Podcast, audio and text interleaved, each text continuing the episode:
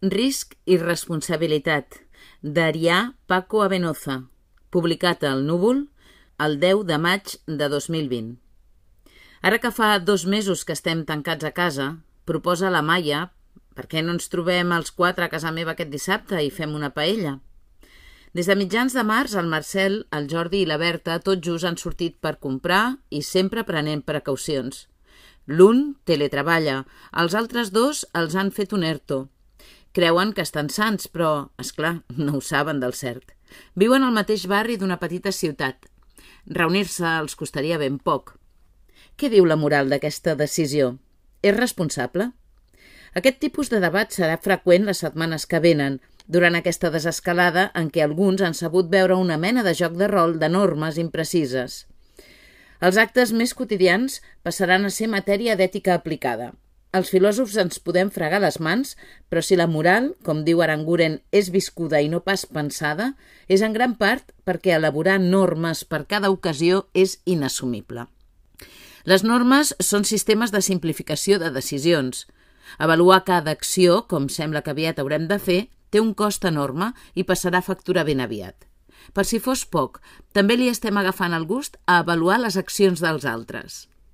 Fa gairebé dos mesos, quan ens vam confinar, no sabíem gaire cap a on treballàvem. Quina normalitat seríem capaços d'assolir? On s'estabilitzaria el sistema sanitari?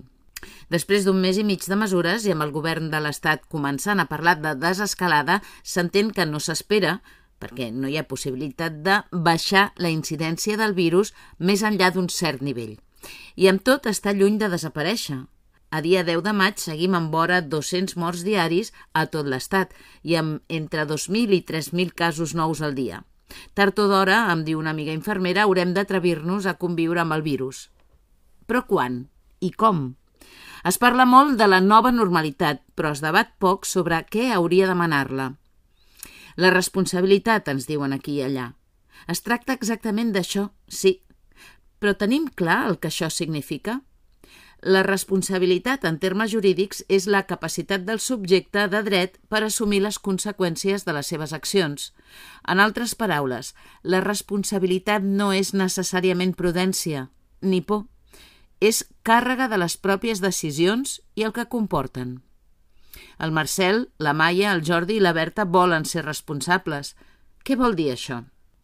La vida humana és una contínua gestió de riscos. L'estat liberal en què vivim es pot entendre com una manera determinada de permetre aquesta gestió, delegant-la en l'individu sempre que sigui possible. L'estat és paternalista quan a la gestió d'alguns riscos que afecten a la salut pública, com el cinturó de seguretat, però fins a un punt. El risc inherent a la conducció automobilística s'accepta de grat. En d'altres, l'elecció és individual, com en els esports de risc, o a tot estirar desincentivada per sistemes impositius, com en el cas de l'alcohol i el tabac. Una dada, el consum freqüent d'alcohol redueix l'esperança de vida entre 4 i 5 anys. Malgrat això, no hi ha debat públic sobre si l'Estat hauria o no hauria de prohibir-ne el consum. Ni els més conservadors ni els més progressistes creuen que aquesta dada, gens menys preable, hauria d'afectar les llibertats de les persones. El liberalisme social és un consens de la societat. No pretenc frivolitzar. El coronavirus, òbviament, és un assumpte molt més complex que l'alcohol.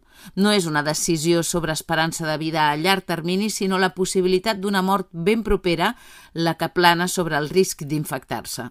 Encara més, les teves decisions poden afectar altres subjectes i aquest, ailàs, és el principi de tot problema polític.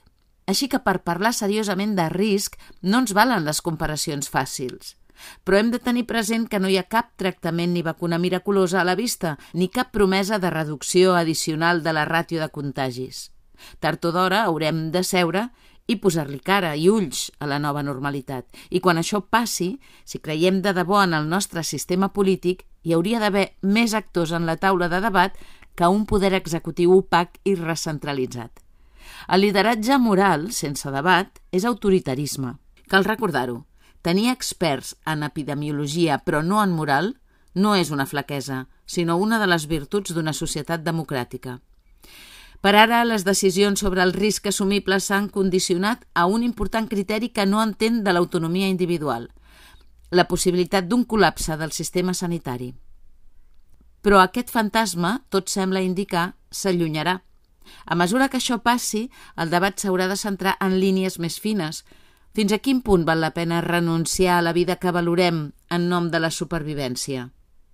En un webinar recent sobre drets civils i coronavirus, Jordi Graupera recordava la idea, d'oblit infaust, del preu de la llibertat. Tota vida que mereixi ser viscuda té un preu, també en termes de risc. Quina vida val el risc que paguem per ella? Durant un mes hem assumit, perquè així ho ha fet l'Estat i sense gaire debat públic al respecte, que l'activitat econòmica bé mereix aquest risc, però en canvi la llibertat sexual i afectiva de les parelles que no viuen sota un mateix sostre, no. Respecte a això últim, encara avui s'està recomanant a les parelles que es retrobin després del confinament que evitin el contacte boca a boca o s'està informant sobre quines postures adoptar en el sexe. Quan hom diu que els arguments legals no valen per les discussions morals, tothom s'afanya a sentir. Però a l'hora de la veritat, la nostra moralitat s'adapta per defecte a la legalitat vigent d'una manera gairebé escandalosa. Penseu si això us sembla impensable o més aviat probable. Hi haurà qui un diumenge de fase 0 discutirà de valent per reunions de 4 persones i el dilluns següent de fase 1 aplaudirà trobades de 8. Qüestionar una moralitat hegemònica requereix d'un esforç conscient al punt que aquest debat, tan urgent, potser ja hi fem tard. Si l'amenaça de rebrot desapareix, hem d'estar preparats per parlar de què fer i això voldrà dir quin nivell de risc creiem responsable assumir. La prioritat d'aquesta societat, recordava un famós filòsof recentment, no ha estat mai la supervivència, sinó la vida, amb tot allò de valuós que incorpora la segona. Dit d'una altra manera, en el vell debat entre llibertat i seguretat mai s'ha assumit que la seguretat s'ho valia tot. Si el Marcel, el Jordi, la Maia i la Berta viuen sols, és diferent la seva decisió de reunir-se de la de quatre amics que decideixen anar a escalar una paret amb free solo? Què és el que les fa a una i altra responsables? Ah, però per ara ens hem ocupat de la versió senzilla del dilema. Tots ells podrien estar convivint amb terceres persones, tancats amb familiars o amb companys que no arriben a ser amics. Suposem, per exemple, que el Marcel visqui amb la seva àvia, una persona de risc. No hauria, doncs, de tenir en compte el nivell de risc que ella estigui disposada a assumir a l'hora de decidir el seu? Doncs sí. Sembla que el Marcel ara ha esdevingut molt diferent de la Maia. El Marcel i la seva àvia conformen el que es podria anomenar, si em permeteu encunyar un petit neologisme, una unitat de risc. Tots els riscos que l'un assumeixi els assumeix l'altre, degut a la seva contínua interacció. En l'escenari d'un sistema sanitari no saturat, una unitat de risc, pel que fa al coronavirus, funciona de manera semblant a una persona pel que fa als riscos individuals, com l'escalada o el tabac. El consens entre unitats de risc, m'atreveixo a sospitar, serà la font de la major part de discussions de les properes setmanes, si és que no ho està sent ja.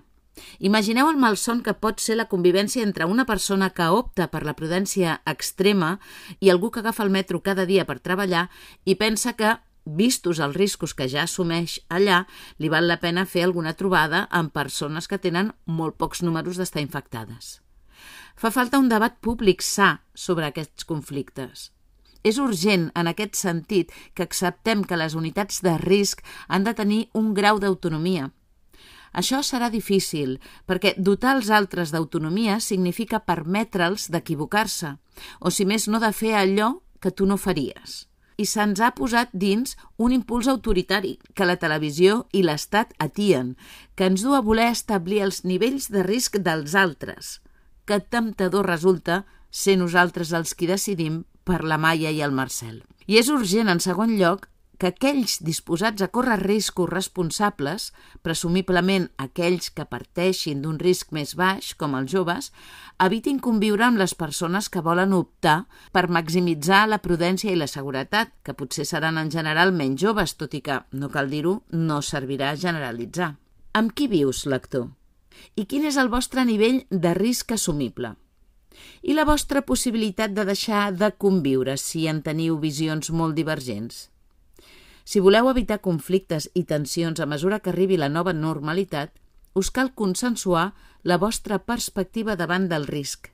no només per protegir els grans, ni tan sols les vostres relacions, sinó per protegir allò que és a la base de les nostres societats, la pròpia responsabilitat.